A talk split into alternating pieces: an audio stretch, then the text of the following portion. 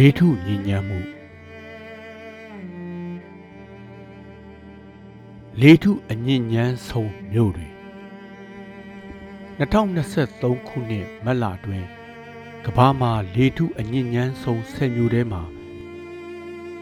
ရန်ကုန်လည်းပါနေပါတယ်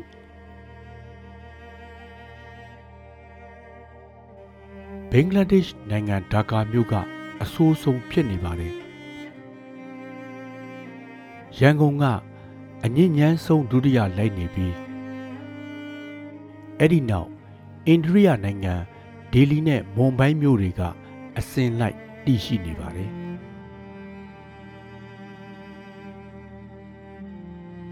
မြန်မာတွေအနေများတဲ့ချင်းမိုင်ကလည်းနံပါတ်6နေရာကလိုက်နေပါတယ်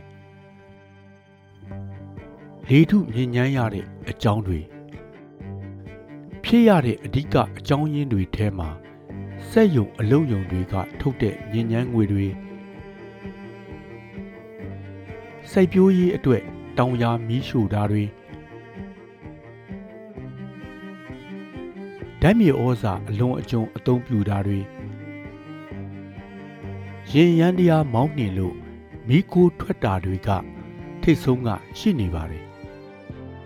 ရန်ကုန်လေထုညဉ့်ညမ်းရခြင်းအကြောင်း ရန်ကုန်မှာဖြစ်ရတဲ့အကြောင်းတွေထဲမှာရင်ရန်တရားတွေကထွက်တဲ့မိခိုးတွေကအဓိကပါပါတယ်အည်သွေးညက်73စီတွေရင်ရန်တရားတွေကြောင့်အဲ့ဒီလိုညဉ့်ညမ်းစီတဲ့မိခိုးတွေထွက်စီပါတယ်နောက်ပြီးစက်ရုံအလုံးယုံတွေကထွက်တဲ့မိခိုးတွေကြောင့်လဲရန်ကုန်ဟာညဉ့်ညမ်းရပါတယ်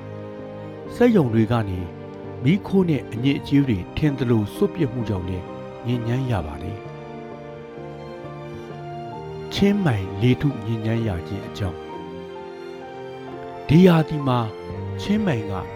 လေထုညဉ့်ညမ်းရခြင်းအကြောင်းတွေမှာမိခိုးမြူနဲ့နှင်းမြူတွေကြောင့်အဓိကပါဝင်ပါတယ်ထိုင်းနိုင်ငံမြောက်ပိုင်းမြန်မာနိုင်ငံအရှေ့ပိုင်းနဲ့လာအိုတို့ကလာတဲ့မိခိုးငွေတွေကချင်းမိုင်ကိုလေထုညဉ့်ညမ်းစေပါတယ်နောက်ပြီး ຫນွေပေါက်လာတာနဲ့အမျှတောင်ယာနဲ့တစ်တော်မီးရှို့မှုတွေကိုချင်းမိုင်မှာအကြီးအကျယ်လီထုညဉ့်ညမ်းစေပါတယ်ဖြစ်နိုင်တဲ့ကျမ်းမာရေးဆိုးကျိုးတွေလေထုညဉ့်ညမ်းမှုကြောင့်